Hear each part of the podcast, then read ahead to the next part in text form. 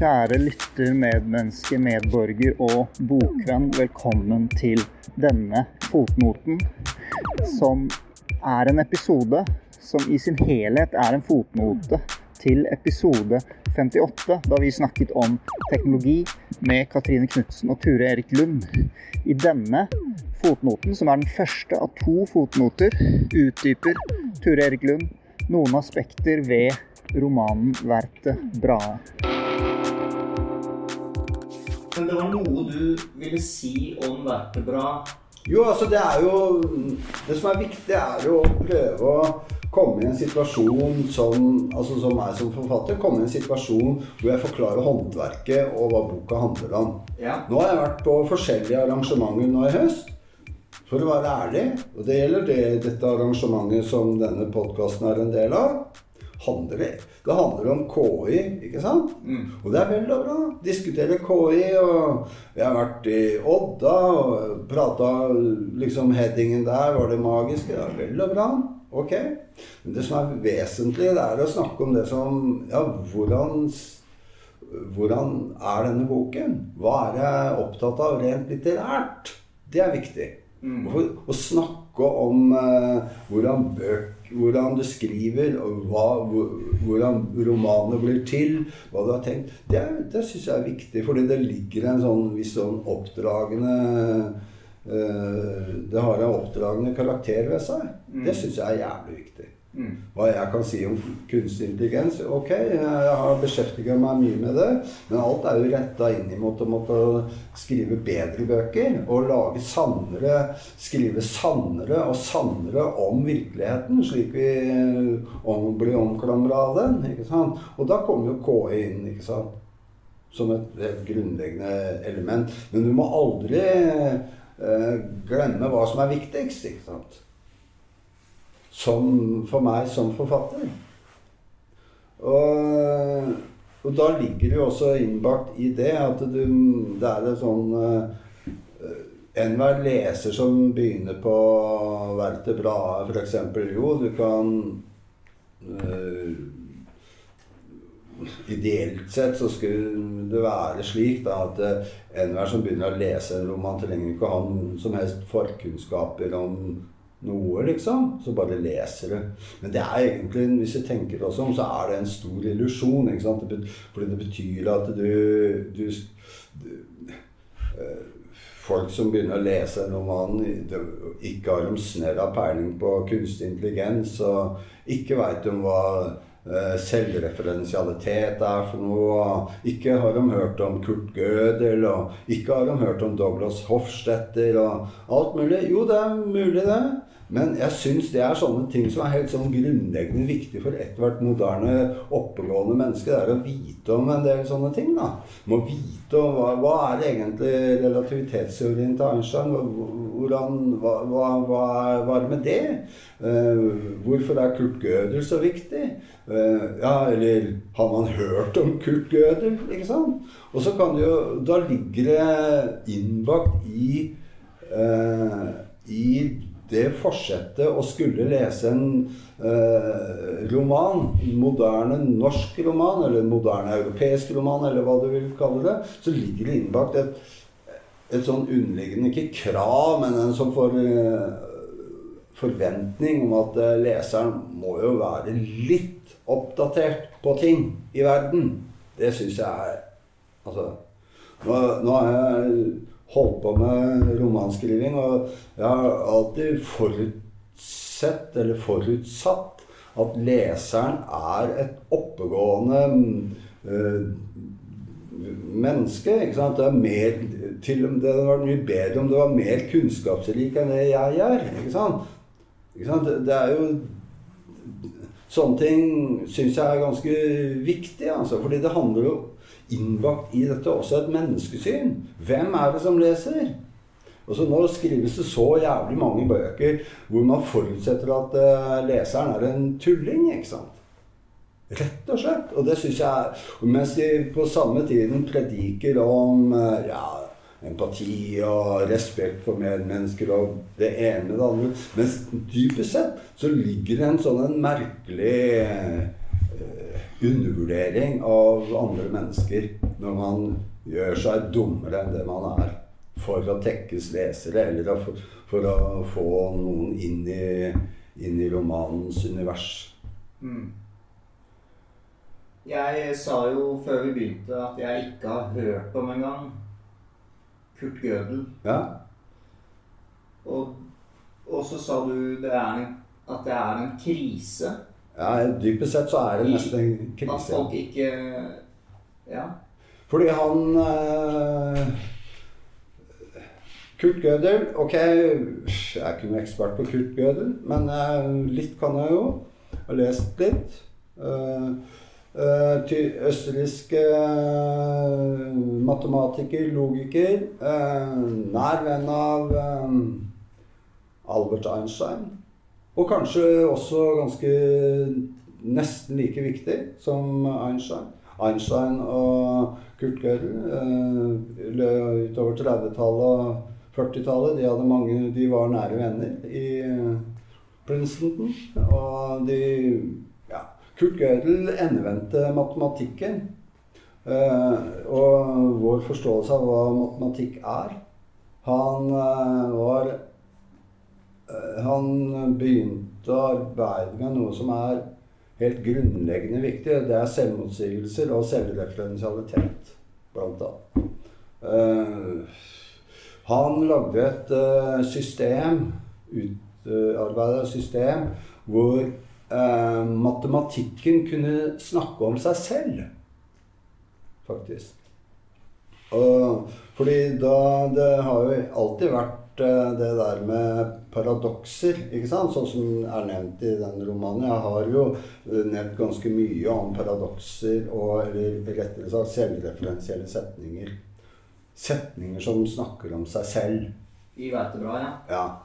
Det er, det, det, er, det er ganske viktig. Og Ja. det er ganske viktig for hvordan kunstig intelligens eh, Hvordan det i praksis fungerer. Det er viktig eh, å lage hvordan et lukkede systemer kan utvikle seg selv. Ikke sant? Det er, det er, og det er eh, ikke minst jævlig viktig når du skal sitte og skrive en roman. Ikke sant? Fordi du begynner faktisk med null av niks, og så plutselig så er det noe. Og det er dyrt, for at det skal organisk og mest levende og mest interessant utvikle seg, så må du hele tiden lage et system som, i skrivingen som gjør at eh, du lager et univers som er frambrakt av sine egne bestanddeler. Hvor, eh, hvor eh, det som da eventuelt kommer utenfra, er på en seriøs måte omkvernet i romanen. Omkvernet ordentlig i det litterære arbeidet. Slik at du på en måte tygger det helt virkeligheten når den skal gjenspeiles i en roman. Så blir den på en måte gnagd og eh, tygget i stykker av, eh, av det litterære arbeidet. Og på en måte og så gjenoppstår virkeligheten på en helt annen måte i romanen. ikke sant? Det er liksom en sånn håndverksmessig ganske viktig ting når man skal ja, skrive, da. Rett og slett. Det du sier her nå, er jo Det er gralen i litterært ja, Og det er utrolig vakkert og inspirerende. Jeg tror veldig mange som hører det, vil jo bare bli veldig gira når du sier det. Altså det er måten du beskriver på, da. Ja. Men samtidig så sier du at det også er en, altså det er en krise av folk, eller lesere, mange kjenner ikke til Kurt Gøden. Er det allikevel viktig å vite om f.eks. selvreferensialitet for å komme inn i denne kvernen? Nei, altså Nå har jeg romanen forklart litt om hva selvreferensialitet er. Ja. Ikke sant? Eh, fordi det ligger liksom i eh, Rett og slett i i, eh, i hvordan denne boka er blitt til. ikke sant? Det handler om hvordan skape et eh, et kunstig En kunstig jeg, et kunstig bevissthet, en kunstig øh, system som blir så opptatt av verden rundt seg, som den så vidt kan begynne etter hvert stadig sterkere og sterkere begynne å sense, og så bryte ut av det. Det er rett og slett hvordan kan noe syntetisk bli organisk? Det er, og at, at uh, disse uh, systemene som vi ser rundt oss av teknologisk karakter, at det blir natur. Mm. Det handler om naturalisering på uh, og hvordan liv dypest sett blir til. Men tilbake til da med liv. Som, hvis vi går til ursuppen, da. Jeg nettopp leste om altså, at kanskje første form for liv er en form for virus. Senere bakterier. Um, og at det oppstår Ja, jeg, jeg, jeg, kan ikke nok om dette her, men at der er det noe som oppstår av seg selv, og som bare ekspanderer, blir mer og mer komplekst.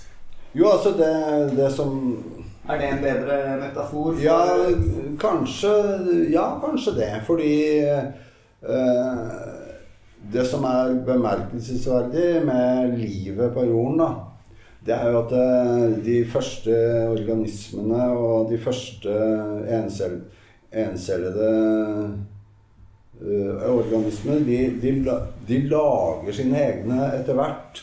Gjennom milliarder av år så lager de sine egne livsbetingelser. Ikke sant? Det, var, det, er, det, er, livet på jorda som har gjort det mulig for livet på jorda å utvikle seg. Ikke sant? Og det er, det er ganske grunnleggende viktig. Ikke sant? Jorden for 2,5-3 milliarder år siden når 3 milliarder år siden eller sånt, da de første bakterier eh, begynte å oppstå, så var jo Det, det, det var jo en, eh, en ubeboelig planet, naturligvis. Ikke sant? Så, sånn, sånn, sånn, sånn, har det jo vært hele tiden. Nå er det jo kommet så langt at det er selve livet på jorda som har geologiske I siste 500 millioner år så har livet på jorda hatt geologiske implikasjoner. Det er ganske viktig, altså. Sånn at uh, livet på jorda, det, det, det, det, lager Det er jo forutsetningen for at det skal være videre liv på jorda. Sånne ting er ganske grunnleggende.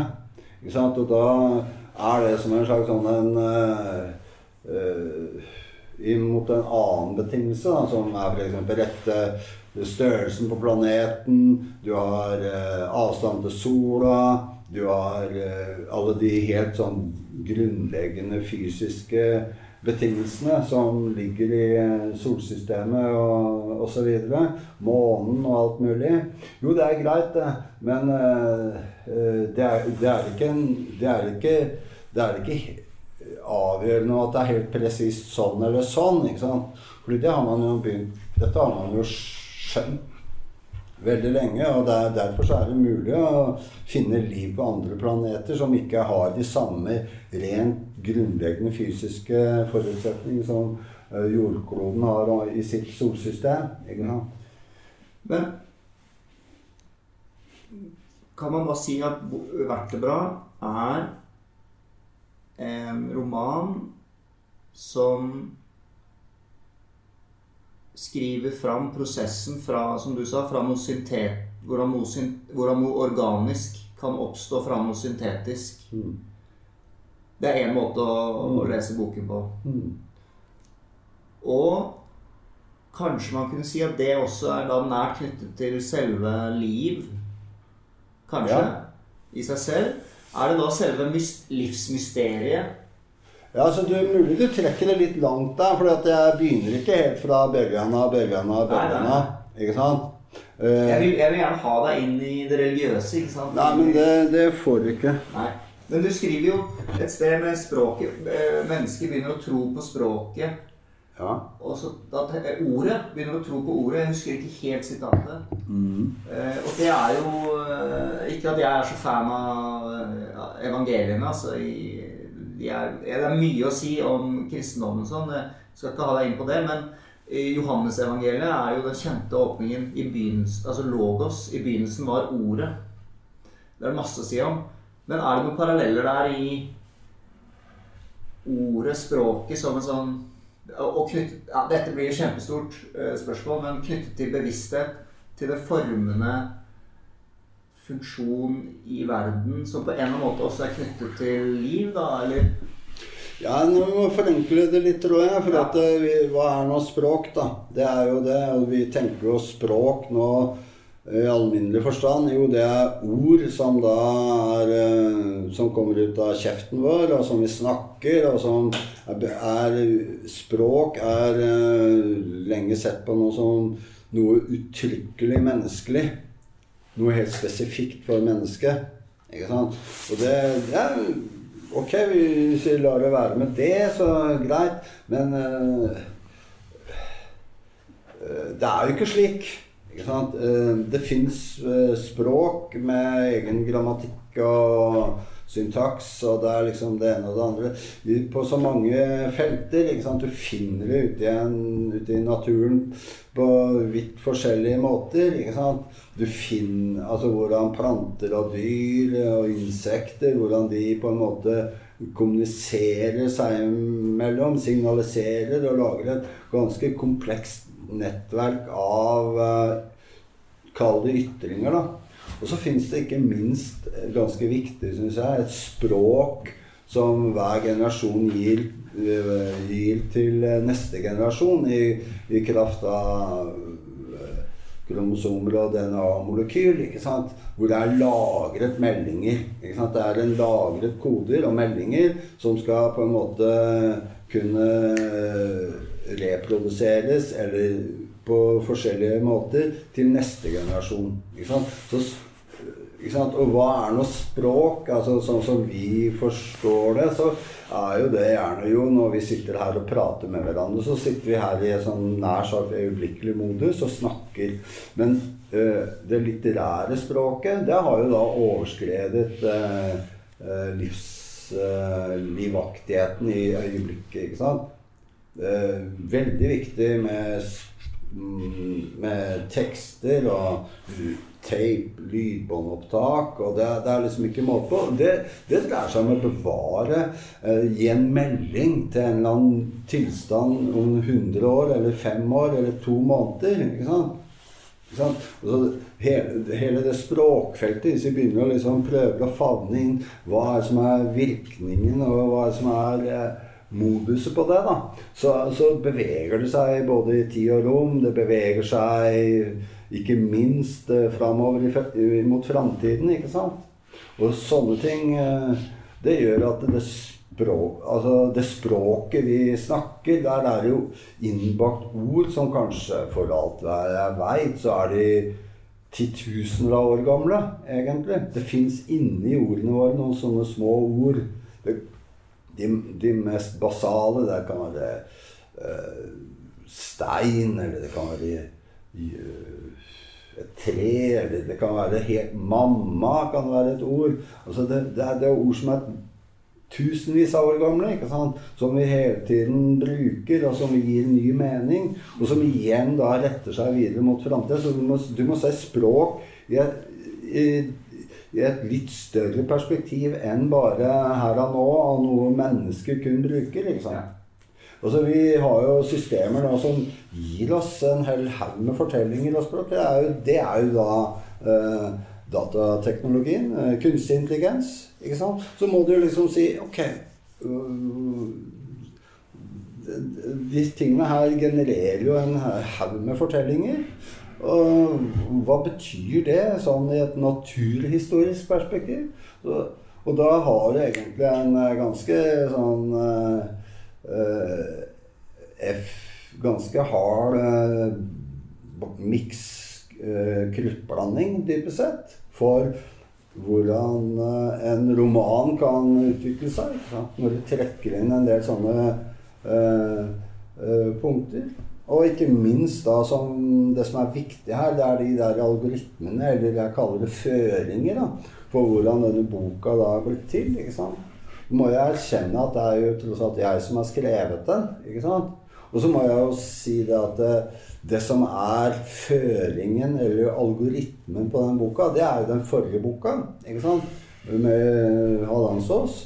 Og han har sitt språk som eh, er mulig Altså sin, sin spesielle måte å skrive og tenke på. Alt er jo lagret. Enhver eh, avansert eh, kunstig hyperintelligens som Vertebra er, de vil saufare verden for alt hva det kan inneholde, som det kan nyttiggjøre seg av. Og det er jo setupet i den romanen. Vertebra er et gigantisk system, som vi nå faktisk lever i, som utnytter alle mulighetene som fins i verden for sjøl å vokse. Og da bruker man selvfølgelig eh, eh, I den fortellingen her så bruker man selvfølgelig eh, den forrige bokas hovedperson, eh, Hallandsås. Mm. Hallandsås har da levert et stort spekter av, eh, av til verden av dårlige egenskaper, av bjungslete språk. Og de dårlige egenskapene i den settingen her, det er også nyttige. Eh, nyttig for hvordan denne, dette systemet skal utvikle seg. Alt som, er, alt som er skakt og litt stusslig og litt inkonsekvent, det har, det har stor verdi, ikke sant? Og ikke bare det som er presumptivt godt, og det som er, det som er opplagt nyttig. Men øh, den, den, krigen som vi nå utfører mot, øh, mot, historien og mot naturen, det handler bare om å utnytte verden mest mulig effektivt. ikke sant? For det ligger et slags sånn iboende løp i vertebraet om, om å utvide seg, utvikle seg, bli større. Bli... Men så har det møtt en vegg der framme, og det kalles faksfeltet. Og fordi det, det, det, det, er et annet og større system som kanskje kommer helt annet Hvor kommer det fra? Det har ikke jeg villet eh, utdype noe særlig. Men det er, det, er noe som Det har noe i seg som kan forvandle jordkloden til det ugjenkjennelige. Ikke sant? Her må jeg spørre om noe. Du sa vertebra som vi faktisk lever i. Ja, vi, sett og vis så lever vi i det. Ja. For vertebra er, et, er et, egentlig et uh, Arbeiderparti på høyspeed. Altså det er et sosialdemokratisk, uh, vestlig, liberalt prosjekt. Og faks Men det her blir jeg usikker på. Det er jo likevel dine Eller ja, ja. dine romanbegreper. Ja. Faksfeltet og vertebra. Ja. Men det er en Ja, nettopp. Det er skildringer av virkeligheten. Ja. Fordi eh, vertebra har eh, Sånn som vi ser virkeligheten rundt oss nå, så har den utnytter jo potensialet som finnes i verden, men den er jo også veldig opptatt av å bevare verden og bevare og utvikle humaniteten, ikke minst. da. Og det er bedre enn det menneskene er i stand til. Ikke sant? Ja, dette. Fordi øh, Ja. Hmm. Ok. Ofte når du snakker så kjenner jeg at jeg er på bak... Jeg ligger bakpå. Jeg tror ikke det. Nei, kan, jo, jeg gjør nok det. Eh, men, men sånn er det bare. Eller det, at jeg, For jeg har ikke, for eksempel, jeg har ikke hørt noe om Kurt Gödel og eh, Men så, og så er det også noe med når du snakker, så hender det at jeg faller litt av, og så plutselig sier du et eller annet som bare er Som bare åpner seg, og som er utrolig fascinerende. F.eks. eksempel du sa i sted om 10 000 år gamle ord. Ja. Jeg har ikke tenkt, Men det er jo en fantastisk tanke at vi, når vi sitter og snakker nå, ja. så bruker vi ord som mennesker liksom har overlevert gjennom ja. tusenvis av år. Stein. Det er helt fantastisk. Ja, altså det, Hvem vet hvilke ord det er, da? Ja, altså, men, det men, menneskelige språket altså Mennesket oppsto kanskje sånn Homo sapiens, sapiens oppsto ja, Siste beregning er rundt 300 000 år siden. Men, men, det poenget jeg skulle komme fram til, var um, Og det er også sånn iblant når jeg leser uh, jeg, Nå skal jeg si det, for det kan høres ut som kritikk, men jeg skal først nevne en annen forfatter som jeg har det ganske likt med. Og det er når jeg leser Søren Kirkegård. Så leser jeg ofte, og, jeg, og så syns jeg ofte det er tungt. Faller litt ut. Og så plutselig er det et eller annet der som bare åpner seg. Hvor jeg blir sugd inn. Og sånn er det litt for meg når jeg leser f.eks. i Vertebra. da. Jeg syns mye av det er ganske tungt, vanskelig. Men, men, så er det sånne fantastiske åpninger hvor jeg bare er helt inni det. Hva, hva tenker du om når jeg sier det til deg, at, at jeg har den derre Den dobbeltheten, da. At det iblant er vanskelig å være i det. Kan falle litt av. Og så kommer de åpningene for meg. Ja, det, er, det jeg kan si, for å være litt uh, slørr her, da, det er jo håp for deg, da. Fordi uh, det å lese en roman det, Av og til så kan det føles som den totale underkastelse. Man lever seg så godt inn i verket at man mister seg selv, og så er man inne i verket helt ut.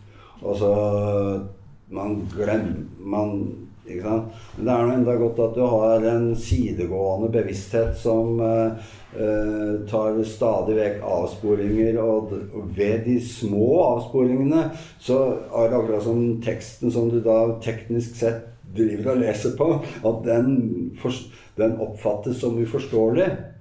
Det er jo sånn det funker, ikke sant? Og så eh, møtes noe.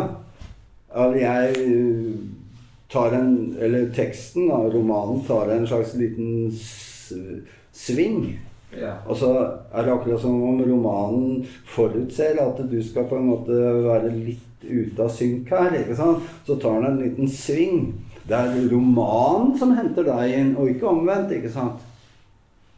Har du ikke tenkt på det? Sånn tenker jeg av og til. altså.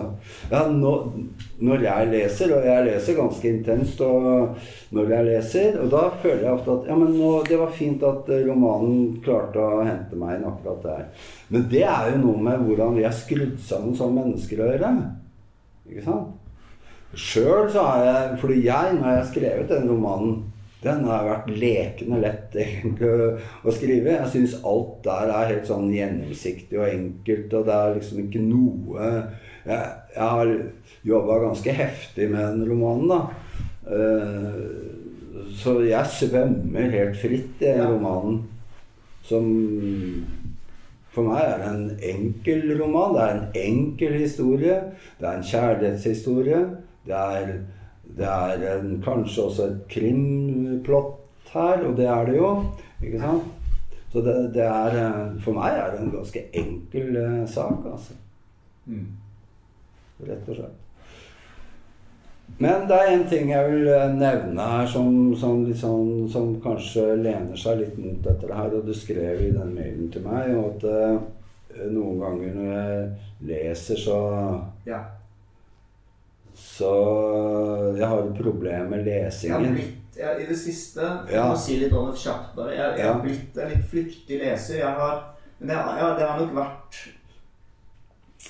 uh, siden 20-årene, kanskje. Men jeg har brukt mye disiplin og på en måte tvang til å komme meg gjennom bøker. For jeg velger bøker. Denne skal jeg bli ferdig med. Nei, denne skal jeg bli ferdig med. Men min min naturlige impuls er å hoppe fra bok til bok, lese litt der, lese litt der, og så komme tilbake, lese litt videre. Ja. Og det er noe litt utilfredsstillende ved det. Ja. Men det er også noe litt gøy med det, sånn at jeg hele tiden kan få inn nye bøker inn i denne svære syklusen. da. Gå på ja. Deichmansk og bare 'Å, der var det en morsom bok. Den må jeg få med. Så fant jeg her om en dansk-amerikansk journalist som skrev fra New York eh, om slummen i New York på 1800-tallet. Ja, den må inn, liksom. Og så har jeg ikke lest den ennå. Jeg bare lest noen sider. Og så var jeg i går Hva var det jeg fant i går? Og det var et eller annet Jo, jeg var og kjøpte bøker i går, liksom. Da kjøpte jeg idolet til Hans Nilsen Hauge, Johan Arnt. Den kommer jeg ikke til å lese fra Men jeg får lese litt til, da. Sånn protestantisk helt. Men, ja. men så det er, det er noe nytelse ved det, og gøy å lese bredt og fragmentert, men det er også noe jeg føler jeg mister at, jeg, Men jeg skal ikke si, jeg er ikke helt elendig. Jeg er jo anmelder òg, så da leser jeg selvfølgelig grundig. Leser ferdig. Leser gjerne to ganger hvis jeg har tid. Um, og jeg har noen bøker jeg bestemmer meg for denne skal jeg fullføre. Men jeg er blitt en veldig flyktig leser. Og hvis alle hadde vært som meg, så ville jo det ødelagt ganske mye, tror jeg, for eh, bokmarkedet. Nei, men det er, jo, da, det er jo veldig interessant å høre om dette her. For det er jo sånn jeg opplever at uh, veldig mange har det. Ja. I, også forfattere. Uh, jeg har merka det litt sjøl. Jeg er nok kanskje litt hakket flinkere enn deg, kanskje. Til å, når jeg begynner på en bok, så leser jeg den ut. Ja. Hvis jeg ikke De bøkene jeg kutter ut, det, er- da har jeg lest uh, fire sider. Fem. Og da har jeg skjønt at Ja. vedkommende kan ikke skrive. Det er på et tidlig stadie. Ja. Fordi du, når du begynner på en bok, så er det en kontrakt som skal underskrives. Ikke sant? Og du må lage en Det er jo sånn er det. Du må lage en kontrakt med leseren. Ikke sant? I den implisitte kontrakten, vel å merke. Ikke sant? Det det er ganske viktig. Men eh, tilbake til det der med og den flyktige lesningen. Altså, jeg Det er jo sånn Det er jo der den tekststrømmen i denne romanen kommer inn. Og den boka er jo da spesialdesigna for deg. Fordi eh, hvis vi følger eh, jeg-personen der sånn, så er det akkurat slik denne jeg-personen eksisterer som skrivende og tenkende entitet eller organis organisme. Eh, tekststrømmen er jo et eh, er den bakenforliggende teksten eh, i tekststrømmen er bakenforliggende for det den romanen er. Romanen er bare den synlige delen av tekststrømmen. Tekststrømmen fins som et fortalt eller gjenfortalt eh, element i den romanen. Samtidig som romanen i seg sjøl er et uttrykk for tekststrømmen, og av og til er en direkte kopi av tekststrømmen. Ikke sant? Det er, sånn, det, det er noe jeg har jobbet ganske mye med. slik at når, det da, når jeg har jobbet med det, så har jeg eh, skrevet om igjen ting jeg har skrevet for to år siden. Og ett år siden, eller to minutter siden. Så den innbilte lin, li, eh, lineariteten i romanen, som er fra side to og utover og til slutt, det, det er en i alle henseender en slags sånn eh, fiktiv linearitet i forhold til de realitetene som denne romanen er skrevet under. Og sånn, Det kjenner alle norske Alle forfattere kjenner til det nå. Ikke sant? Eh, og det foregriper jo da også lesningen. Fordi jeg har jo hørt at ja, boka er veldig bra. Det er akkurat som du bare kan begynne et sted. Og så leser du, og så kan du hoppe Ja. tilbake, og så kan Ja. du lese, og det er like fint og bra Ja. og hva det er. Jo, interessant, sier jeg. Det, er- kanskje det er en uh, god uh, uh, En god attest å få. Fordi selve Hvis vi da Det du da mister, det er den derre sakte oppbyggende dramaet i boka. Ikke sant? Egentlig ligner eh, denne romanen veldig mye på mye av det eh, en, eh, Det ligner ganske mye på en Jon Fosse-roman, faktisk. Mm. Fordi du har Ja, ja, ja. ikke sant, sånn rent uh, strukturelt så, så, så, så bygges alt dette her opp uh, tilsynelatende uten veldig framdrift. Men det er alltid en framdrift. Men den er ofte litt uforklarlig, og så plutselig så er du på et litt annet sted. Ikke sant? Mm. Og det der med å gå ut og inn av lesningen, det er jo da Sånn er boka skrevet. Og sånn er også det den, øh, det, den fortellingen Altså det det blir fortalt da om tekststrømmen. Slik er også tekststrømmen konstituert. Og derfor så får det den så befinner romanen seg Det er litt stort av meg å si det, men den befinner seg på et sånn firedimensjonalt, tredimensjonalt nivå. Du kan, du, du kan uh, lese det som står der, men så, kan, så er i, i takt med hvordan uh, dette håndverksmessig er skrudd sammen, ved at jeg har arbeidet veldig mye med enkelte helt innsnevra partier. Arbeida enormt mye, forandra enormt mange setninger. øh, Jobbet med det. Så, så, så dannes det et slags sånn sluk, en sånn dyp nærmest, i, i de tekstene. I de partiene. Som eh, egentlig kan lede deg ja, nesten hvor som helst. Og det er der det såkalte eh, det mørke eh, dypet kommer inn. Som er en figur i, i vertebradet. Det er et område i vertebradet som er ganske viktig. Det mørke Uoverstigelige Nei, mørktskimrende Uoverstigelige dypet. Jeg kaller det bare sånn privat mørkedype. da. Ja. Det mørkskinnende, uoverstigelige dypet. Det er en figur som, jeg, som er, eh, kommer opp gjentagende, ikke sant? Der, det er der, i nede der, i det mørkskimrende, uoverstigelige dypet, at det foregår ting som jeg-figuren i som da er en hel, heldekkende del av vertebra, ikke helt ut forstår hva som foregår. Ikke sant? Så ja, det har vært veldig artig å fått noen uh, sånne Litt sånne, for å si det rett ut, altså nå er jeg kanskje overkant Noen proffe folk til å analysere en roman. Da, og liksom begynte å tenke Ja, hva mener han egentlig med det mørkskimrende dypet? Hva, hva, hva, hva er det for noe? Men når du sier proffe, innenfor hvilket felt? Litteratur. Rett og slett. Ja. Altså Da bare Fordi Jeg bare sier det rett ut. Prøv, prøv den som vil. Du, du skal ikke hogge møkk. Det skal jeg garantere. Nei. Altså, da, hvis du prøver på det, så kom så Da får du noe ut av det. Ja, ja. Da ser du mønstrene i romanen på en litt annen måte. Da, ser du, da vil du se at Å ja, ok. Han har, det er faktisk gjennomtenkt, dette her, liksom. ja. Og det er ikke jeg som har gjennomtenkt det. Det er det som er den grunnleggende tesen. Det er romanen i seg sjøl som har hjulpet meg hjulpet seg sjøl, altså gjennom mine skrivere, som har den hjulpet seg sjøl til å få en sånn, sånn dybde, da. Det er viktig, altså. For den boka er ikke mulig å tenke ut på forhånd. Ok, dette blir en liten sånn Ja, assosiasjon, men det er romanen, sier du, som har tenkt det fram. Ok, det kan være dette er et helt blindspor, men det er noe her med teknologi som en sånn uunngåelig del, eller infiltrert del av Eller en del, som er en del av virkeligheten, som er virkeligheten. Eh, Noen ganger når jeg f.eks. leser Inga Strynke, altså intervjuet Inga Strynke, og så fikk jeg en sånn tanke om at hvis maskinene hadde fått så stor innflytelse nå på mennesket,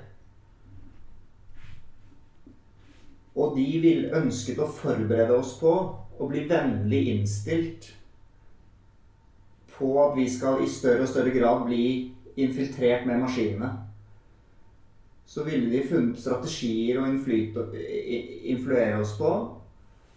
Jeg så en film i går som heter The Creator, som er om kampen mellom AI, humanoide AI mot mennesket. men hvor liksom ja, Maskiner, ja, som du var inne på i sted, har blitt mer humane enn mennesket. Så man får litt sympati for dem. Er det noe Er du, er du, ikke, er du redd for å- at du blir en del av en sånn At maskinene har influert deg til å ville påvirke mennesket til å bare passivt tillate at maskinen skal ta over. Fordi du beskriver en verden hvor teknologien og mennesket er ett. Men det kan du si det allerede er. Men, men det er ikke en motstandskamp her hvor mennesket liksom kjemper imot. Eh, Er du redd for å bli en del av nå, Dette er jo litt Ja, ja, maskinens propagandamaskin for å si Nei, maskinen er god. Dette er sånn det er. Dette er uunngåelig. Nei, altså Akkurat uh, Kan man lese vertebra sånn? En sånn Nei, jeg tror ikke det. Men uh, det For å være litt mer konkret her, da, i forhold til verktøybladet, så forteller jo da jeg, fortelles det da om uh, denne opprinnelseshistorien. Hvordan vertebra på en måte fungerer i den store verden, i den globalt sett, med teknologiselskaper og de store uh, statene og alt mulig. ikke sant? Men så er jo da kommer det ganske sånn Det foregår over ja, Det er to deler, da, men på slutten der så foregår det en ganske viktig beskrivelse av alle de tolkningene av sant? Vertebra, opp, oppfattes vidt forskjellig av Og man kan egentlig ikke bli helt enige om hvordan dette her oppsto. Ikke sant? Sånn er det jo i dag. ikke sant? Det er jo akkurat det som er noe av utfordringen. Det er at du har ikke noen enhetlig fortelling om hvordan ting er blitt til. Sånn av disse komplekse systemene i dag. Du, du kan uh, legge an en ja, La oss si Du kan bruke gjeldende ideologi, ideologiske forklaringsmodeller. Da. Du kan bruke marxisme, du kan bruke ja, ren uh, en ren naturvitenskapelig Altså det fins et vell av forskjellige måter å forstå verden på. ikke sant? Og nå, det, det, eneste vi er ganske sikre på, er jo at eh, Ok, nå, nå står vi her, da. Ikke sant? Eh, hvor eh, teknologien er en så helt fundament... Altså Eh, computerteknologi, altså kunstig intelligens, mobiltelefoni, kommunikasj all kommunikasjonsteknologi, hvor vitalt det er for at vi i det hele tatt skal kunne eksistere i et eh, moderne samfunn. Det er, det er, det er helt utenkelig uten dette her. Ikke sant? Og da, da ligger det jo liksom en, en eh, Begynner jo å liksom like mye som det er forskjellige mengder mennesker, så finnes det forskjellige oppfatninger av hvordan, hvordan, dette her er skrudd sammen, hvordan det er blitt til. ikke sant? Nå fins det riktignok noen sånne klare søyler. da. Vi kan si i 1994 så ble Internett kommersialisert. Altså, du kan gå inn der i Da kom uh, Steve Jobs med sin mobiltelefon. Altså forskjellige sånne ting. Du kan mm. lage noe sånne Men hva er det som egentlig skjedde? Hvordan, hvordan, er det egentlig? Det er, det, er noe, det er, noe, ganske annet, altså. Hvordan, hvordan henger dette her sammen? Og det har jo jeg har prøvd å antyde i bra. ikke sant? Og det som, det, det som Altså den totale Det jeg også har brukt en del tid på å forklare i denne romanen her, det er at det, det er en veldig stor grad av det jeg kaller samtidighet i ting her. Ikke sant? På den ene Altså da kan du gå naturhistorisk til verks, altså fra veldig tidlig eh, tid, altså det er halv milliard år tilbake. Og du kan også gå på det kultur menneskelig kulturelle planet. ikke sant? Altså at det fins nå i dag en mengde fenomener som har sin avstamning fra industrialismens tidlige fase. Det finner vi eksempler på rundt om. Jordbruket fra 1800-tallet. Folk som driver jordbruk sånn som de leva i, uh, i middelalderen den dag i dag. Det fins sankere, samlere. Det fins altså, folk Alt fins i dag.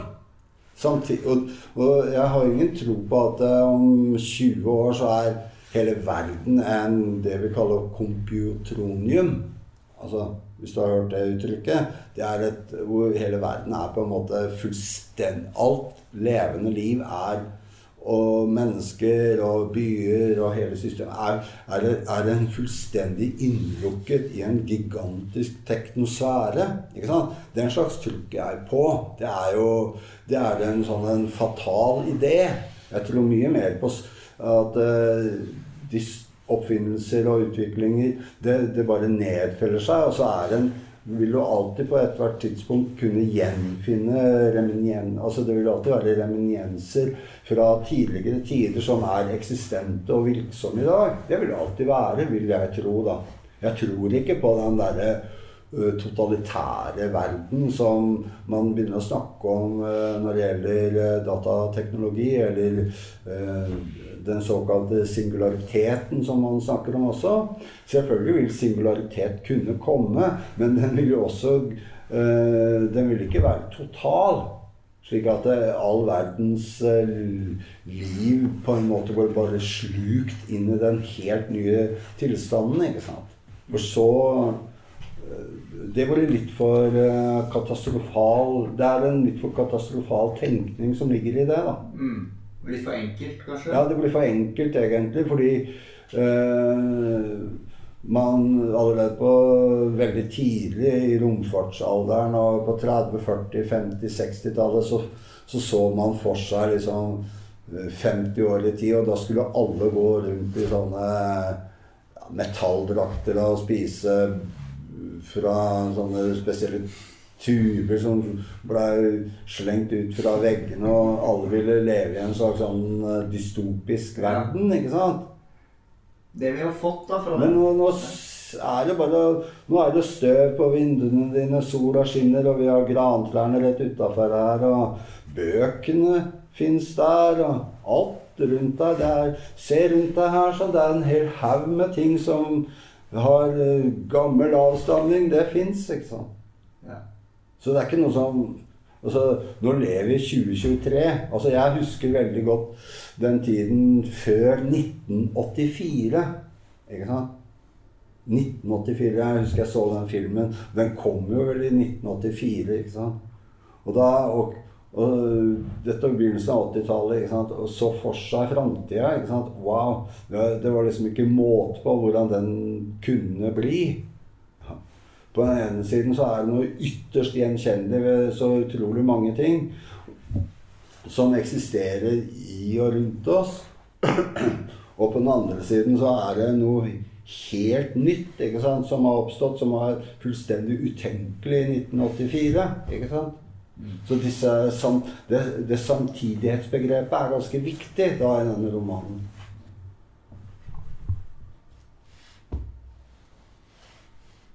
Hmm. Eh, kan vi snakke litt om udødelighet? Ja, det kan vi jo godt snakke om, men eh, Du skriver jo om det. Ja, altså det er jo den elektroniske udødeligheten, da. Ikke sant? Det er jo den som er Ja, det er, den elektroniske, men er den knyttet til den men menneskelige bevissthet på en eller annen måte? Ja, Det skulle ikke forundre meg at den kan være det. Men ikke sant? det vi nå snakker mye mer om i Vertebra, det er hvordan uh, den teknologiske utviklingen uh, med kunstig intelligens og systemer som uh, utvikles, utvikles, av seg selv, vil danne en slags sånn bevissthetssfære, stor eller liten, ikke sant? Og det og det, og det, er klart at det, hvis du går inn i naturhistorien, så må vi jo kunne si det at uh, man har jo da funnet bevissthetsformer i så mye. Ikke sant? Uh, dyrene har åpenbart en viss form bevissthet, og det fins også en slags sånn egen uh, måleenhet for bevissthet. Jeg husker ikke. Er det psi, tror jeg det heter? Jeg er ikke helt sikker. Jeg tror jeg har glemt det. Det fins liksom til og med Du kan gå ganske dypt ned, langt ned i uh, insektverdenen. Så kan du liksom begynne å si Ja, hva er det som kan defineres som bevissthet, da? Ikke sant? Og, det, og, da, og da må du jo også gå inn i de mer fiktive områdene, som en roman, f.eks. Fins en bevissthet inni i selve romanen? ikke sant? Imellom ordene? ikke sant? Er det en bevissthet som er helt sånn uh, lukket? Er det en bevissthet der? ikke sant? Som gjenvekkes hver gang noen leser den? ikke sant? Det, det er et ganske spennende spørsmål. Og så kan man jo gå inn i teknologien, da, så kan man, det, fordi det har man jo uh, diskutert, uh, ikke sant? Uh, er det mulig for mennesker med vår måte å oppfatte og forstå bevissthet på Eh, er det mulig da at det er mulig for oss da å liksom faktisk se den helt nye type artifisiell bevissthet? Er det mulig, hvis det oppstår? ikke sant? Men så, samtidig så sliter jo forskere og vitenskapsfolk med å definere hva er bevissthet. ikke sant? Definere bevissthet, det er, det, er, det er, ikke enkelt. Det kalles til og med 'the hard problem' i det store og det hele. Uh, så bevissthet er et utrolig spennende felt, fordi det har, det har, noe med Hvis du klarer å bevare bevissthet, da Hvis det er faktisk noe sånn fysisk, ikke sant Fordi er, man har jo da tenkt at ja, den menneskelige bevissthet er på en måte noe ikke-fysisk. ikke sant? Det var sånn vi har forstått bevisstheten tidligere. Så knytta det til sjel, og vi knytta det til noe guddommelig eller et eller annet. Men hva er bevissthet? Kan det liksom kvantifiseres? Altså, hva, ikke sant? Sånne spørsmål er utrolig spennende. ikke sant? Og da kan vi også forestille oss altså, ja, eh, et videre forløp da, med, eh, innen teknologien. Altså hvordan den liksom kan mangfoldiggjøres av slike ting. Og det, det, det, det, Her sånn så ligger en en gigantisk gullgruve blotta med masse stinkende gjørme iblanda. Det, det fins et stort rom der som man kan reflektere om. da. Om hva bevissthet er, og hvordan den manifesterer seg. Og... Men er det ikke det i vertebra at det er en bevissthet som vokser fram, ja. og som som du sa i sted, blir organisk til slutt. Ja. For, ja.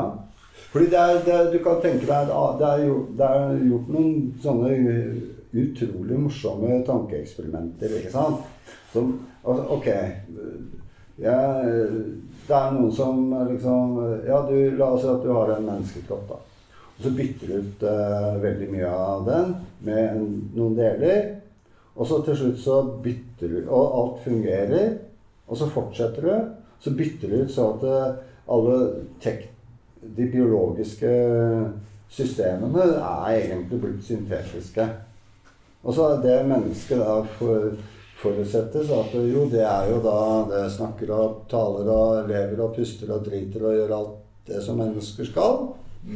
Og så er, består de komponentene av syntetiske objekter eller elementer. ikke sant? Ja. Ok. Det, dette er gjort mange sånne tanker, Jeg har gjort en del sånne tankeeksperimenter, liksom. Den der, der er ganske berømt, dypest sett. Den har du hørt om. Mm. Ja. Så Og så Fordi da har man jo da tenkt at uh, det fins en sånn eh, Det er en italiener som har laget en integrated information theory. Altså en, en som heter Tononi. Hvor, hvor, du liksom egentlig ikke kan du, du, kan godt gå helt sånn mikroskopisk ned, og så kan du tro at det finnes noe der, men det er egentlig et slags mellomspill. Da. Det er en slags sånn en, uh, relasjonell affære, bevissthet. Liksom. Det fins masse teorier om dette her. Sånn. Og det, noen er lovende, andre knytter bevissthet opp mot kvantemekanikken. Altså eh, at det er dypest sett et sånn kvantefysisk eh, fenomen. Ja. Men eh, ja. Men det du ikke gjør, som jeg ofte biter meg merke i, er at du knytter det ikke opp til ånd, noe åndelig. Altså som det som religionene er opptatt av.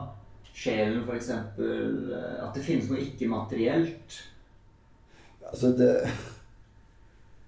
Altså jeg Ja, jo altså jeg, jeg, Da melder jeg meg litt pass, altså, rett og slett. Altså. Det, det, blir litt sånn Jo da. Det, det, det man ikke veit, det veit man ikke, liksom. Altså, det blir, du, du, Dypest sett så ender man bare om sånne ting, så ender man ofte, veldig ofte opp og bare si Ja, ikke bare det, men også helt banale selvfølgeligheter, liksom. Ja. Ja, nei, det er mer mellom himmel og jord. Altså, altså du kan Hva er det du sier for noe, dypest sett? altså? Ja, ja, ikke sant. Jeg tenker, for jeg tenker på det, det, det er ikke det at det ikke er fruktbart. Altså, tenk på musikkhistorien og hele litteraturhistorien. Altså Altså Kristendommen hadde aldri vært så sterk hvis du ikke hadde hatt uh, uh, Bach, liksom. Altså, altså, altså hva, hva troen har gjort uh, her, det er jo noe fundamentalt, ikke sant? Ja, ja. Men det er jo ideen om at bevissthet Ja, nå fikk du noe å tenke på, ikke sant? Fordi Jo, det er vanskelig å ordlegge seg presist der. Ja, du må Men jeg hadde en tanke i sted, fordi jeg leste en bok om Apocalyptic AI, som er det der at eh, no, ja, altså Det er flere som har skrevet det, at man liksom kan uploade bevisst, den menneskelige bevisstheten. da. Ja. Det er litt innenfor det tankeeksperimentet du nevnte, at du bytter ut alle delene. Ja. Så har du til slutt bare eh, robotdeler, da, men bevisstheten lever videre inni dette nye systemet. Eh, og så er det Descartes som hadde den skillet mellom kropp og sjel. Og sjelen var koblet til pinje... Hva heter det? Pinjekjertelen. Mhm. Men så oppdager man på et tidspunkt at nei, det stemmer ikke. Pinnekjertelen har ikke den funksjonen. Og da satt man med et problem, for da var kropp og sjel atskilt uten at de hadde noen kobling lenger. Jeg tror ikke jeg helt klarer å forklare det, men og det gjør at det eh, At man da kanskje Altså at i Jo, fordi hvis, hvis man hadde gått tilbake til Descartes, han ville sagt nei, du kan vi, Du vil ikke da få med bevisstheten over i denne roboten hvor alle delene er byttet ut, fordi pinjekjertelen Jo, han ville, da kunne du gjort det. Du kunne byttet ut er ikke Da, ville, da kunne sjelen bodd i dette vesenet. Ja. Jo, altså Men det, det er Ikke veit jeg. Nei. Det eneste jeg kan si om det, altså det, Ja, det er jo en fair, eh, en fair eh, holdning til det. Men, men, men jeg kommer liksom fra en sånn tanke om at ja, det fins noe i verden som er ikke-materielt. Jeg skal være veldig forsiktig nå med hvordan jeg ordlegger meg, for man skal ikke være bombastisk. Og, og da kan man si kanskje at det er feil. Men det er likevel det jeg, slik jeg erfarer verden, at og at det er noe i, i, i tilværelsen du kun liksom kan nærme deg hjem, gjennom bevisstheten. Det vil si, det er jo selvsagt, fordi alt nærmer du deg gjennom Ja, ja, ja. bevisstheten. Ja, ja. du kan ikke måle det, du kan ikke veie det, du kan ikke sette det på de vanlige vitenskapelige parametrene. Du kan liksom bare Det er noe med intuisjon ja, så der kommer Kurt Gøder inn. Ok? Han sier blant en av hans eh, fremste innsikter Det, er, det fins eh, ting i verden som er helt sanne, men de kan ikke bevises. Ja. Fordi du kommer inn i en såkalt uendelig regress. Du må hele tiden eh, ha et eksternt system for å bevise det. Og da må du, men hvordan skal du klare å begrunne det eksterne systemet? Og så må du ha et ytterligere eksternt system for å eh, gi forklaringsmodell på Og så for, sånn fortsetter det. Mm. Og da er vi jo inne i de, de store spørsmålene, ikke sant. For det, du også kan konkretisere dette her med, da, det er paradoksene, ikke sant. Hvor, og som nå, før 1931, da Gödel eh, slo igjennom med avhandlingen sin, så hadde matematikerne en tro på at verden kunne forklares. Altså at det kunne liksom Og de holdt seg eh, Bertrand Russell snakka noe om eh, paradokser og interessante, men de, de, de hatet det. Ikke sant? Paradokser og eh, selvgestaltede enheter. Selvreferensialitet, autonomi. Altså mest, mengde sånn. Det var, det, var, det var skummelt, ikke sant. Mm. Det, det, det brøt ned den klare ideen om hva matematikk og logiske systemer var. Ikke? Så, så Gøde viste at det, at det kan At finnes sannheter som ikke kan bevises uh, matematisk eller logisk. Ja. Ja. Men der er det en åpning, da. Ja, men der, der, der igjen er det en Det er et, det er et, det er et ganske eh, Det er elegant bevis, altså.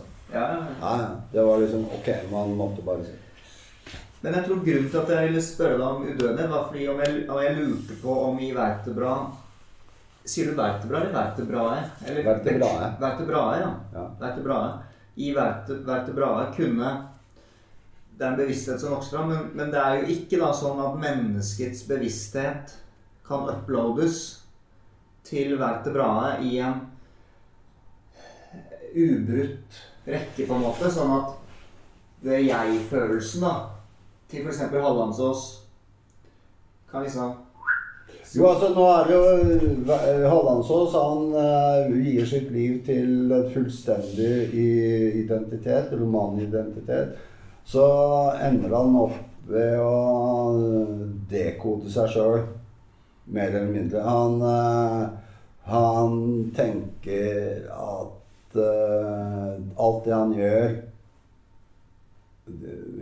Tekststrømmen som fortelles der, det er en metode for han å kunne gjenoppstå en gang. Ikke sant? Det er en det, eh, det er, eh, Tekststrømmen er større enn hans eget liv. Ikke sant? Det er liksom den eh, iboende Det er essensen i, i, i identitet. Ikke sant? Hvor ender til slutt livet som en nærmest spøkelsesaktig skikkelse. Han befinner seg i verden, men ingen Det er jo beskrevet på slutten her hvor han går i tunet, og så de ser ham ikke. Og han kjenner ikke igjen. Ikke? Han, har, han har på en måte kommet så langt over på den andre siden. ikke sant? Han er litt sånn eh, Jeg tenkte mye på 'Morgen og kveld' av Fosse. Jeg skrev det der. Sier du det? Ja. Faktisk, for seks år siden så tenkte jeg mye på den. Ja. Det er en stund siden jeg leste den, da, men før det igjen. Men hvordan den der semieksistensen, ikke sant, som, igjen, som Fosse på en måte forklarer, forteller om i denne romanen. Det er en slags sånn merkelig eksistens, ikke sant? Som er, og som hvor han åpner opp for noe uforklarlig, ikke sant. Mm. En forsinkelse er det. det. Alt er en forsinkelse, dypest sett. Og den forsinkelsen, den, den opplever Hallandsås. Og så, og så kommer denne romanen. Da, da, fins han som han, alt, så, Som alle andre mennesker, så fins han også som et eh, Som et eh, Som en potensielt utnyttbart noe. Ikke sant? akkurat som poenget her, er at det spesifikke jeget der, det fikk tildelt Hallandsås. Ikke sant? Å ja. Det, det, det jeget, det kunne materialisere seg sånn som det står. Det kunne, ok, det kunne materialisere seg i en tekstrom, men det kunne like gjerne jeget i en vertebraisk forstand kunne like gjerne materialisert seg i et uh, i en radio eller i et eh, annet eh, system. Altså i en vaskemaskin eller i en, i en fabrikk. Være, det kunne være i- en slags sånn kvasibevissthet et eller annet sted. Ikke sant? Det, ku- alle disse tingene materialiserer seg. Ikke sant? Og disse enhetene, da. At det, det, det, det, opp, det fins en eller annen sånn øh, øh, gryende øh, vekst av noe ikke sant, i vertebra. Vertebra kan jo på en måte få ting til å øh, selvutvikle seg. Det er, og det er, jo det, det er jo det veldig mye gjøres nå. Ting selvutvikler seg. Ikke sant? I det store og det hele kan vi si at verden er selvutviklende, naturligvis. Det bruker jo bare mennesker til å utvikle seg selv. Det, ikke, det finnes ikke en kjeft som Bare for å si det sånn. For der kommer vi inn på et livssyn. da. Det finnes ikke en kjeft som styrer verden. Alt annet er konspirasjonsteorier. Mm. Det er ikke en kjeft. Det er, det, det, er, det er helt For meg er det helt absurd å tenke noe annet. At det fins et det, det er jo derfor konspirasjonsteorier er så populære blant en del folk. Fordi de vil lage et eh, system eller forstå verden, ikke sant. Så, så konkretisere den forståelsen på at det er noen mennesker eller noe som kan på en måte lage det. ikke sant? Som står bak. Det er en idé her. Det er et stort mønster her. Virkeligheten sånn sett er jo fullstendig på, på sånn teknisk sett ganske usammenhengende. Det som eneste som er, er sammenhengende i det, det er, he, det er den store helheten da, som gjør at alt på en måte utvikler seg. Da. Og det er sånn det, vertebra Det er på en måte hvordan vertebra utvikler seg. Det er liksom For å slippe katta ut i sekken, altså er jo det, dette er, det er liksom grunnideen i vertebra. Alt kan utvikle seg. Og øh, det er noe jeg opp, Når jeg skriver, så er det noe jeg opplever nesten ved hver eneste setning, og det tror jeg veldig mange også opplever. At øh, ja, du skriver noe, og så veit du ikke egentlig hva neste setning skal være. Altså, hvor, hvorfor blir det akkurat det, det, den setningen? Eller den linja? Altså helt konkret, altså. Mm. Altså. Hvis du ikke har planlagt men hvor, hvordan det skal være Men når du, har, når du satt og planla dette her, da, hva, hva da? Ja, det, det, er, det, er, det som er liksom det Hvis jeg skal bruke ordet magisk, da, med eh, å skrive, så er det jo akkurat det. ikke sant? Du kan, du kan bare gå inn hvor som helst. Og så kan du bare jobbe med det, og så, så blir det noe. Noe ut av egentlig ingenting. Hele tiden. Det er det som er så fantastisk med litteraturen. Rett og slett. Og så Ok, så har du et uh, korpus. Uh, 300, 300 sier 250, 200 ja, Uansett så har du noe, og så jobber du med det, og så jobber du inne i det. Fordi da må du Det blir en autonom variant som skal Hvor, hvor eh, eh, det ene avhenger av det andre. Og så blir det Jo mer du jobber, så, så blir det faktisk et lite drama av det. Ikke sant? Fordi du stadig vekk husker på hva som sto der, og litt der og litt der. Og så blir det umerkelig et drama av det. Det er det som var litt kult når jeg jobbet med romanen. Og det er jo noe jeg har opplevd mange nesten ved hver eneste roman. At det, det jeg, trenger ikke, jeg trenger ikke å tenke ut en, et plott eller en dramaturgi. Det er bare å skrive det, så kommer det av seg sjøl. Og da kommer det veldig sånn det kommer rekende på ei fjøl, altså. Jo mer du jobber med det. Og sånn er det også Jeg har jo opplevd det også når jeg sitter og skriver La oss si at jeg skriver et essay. da. Jo mer du jobber med du kan, Eller du kan være en sakprosatekst. da. Jo mer du jobber innad i en sakprosatekst, jo mer skjønnlitteratur blir det. Det er det som også er fantastisk. altså. Du kan, du, det kan være en, en eh, helt i utgangspunktet med en forfatters intensjon å lage en helt saklig tekst om en hendelse, et sted, tre mennesker som gjorde det. Det kan være politikken, kan være hvor som helst. Men når du har det, og så mer du jobber med det, så, by, så kommer liksom diktningen da inn. Og det er jo Og liksom Og så påføres det et, et slags det fiktive på en måte Hvor er det kommer fra? da? Hvor er det diktningen kommer fra? I hvert fall så oppstår det noe der som lukker dette inn. ikke sant? Og det blir liksom en fortelling, eller det blir et diktverk. Det går jo mer Hadde sakprosaforfatterne vært ordentlige forfattere, så hadde det jo, hadde jo endt med en hel haug med nydelige, fantastiske romaner. Isteden så serverer de all dritten sin, liksom. Ja, den er litt drøy, men dere, du skjønner hva jeg mener? Da, da, serverer de liksom sannheter da, som viser seg om fem år eller til hundre år å ikke være sannheter. da. Men derimot så vil da diktningen alltid Hvis du gjør det på den måten, så vil det alltid være, oppstå en sånn grunnleggende sannhet som er sant uansett om den er skrevet på 1300-tallet eller på 1600-tallet. Så er det en sånn grunnleggende sannhet i diktningen som sakprosaforfatternes Eh, til for at de strever vettet av seg for å få verifisert og sannsynliggjort og gjort det så riktig. De klarer aldri å oppnå den type sannhet. Og dette er ikke noen religiøs sannhet, men det handler kanskje Sannhet er kanskje dårlig uttrykk. Kanskje ekthet, da. Eller, eh, eller ekte eller autentisitet, da. Noe som, er, noe er ubestridelig. Ikke sant? Og Det er de tingene som er viktige å tenke på her altså, når det gjelder det å skrive en roman. Altså, du må, på et eller annet tidspunkt så må du på en måte avgrense området.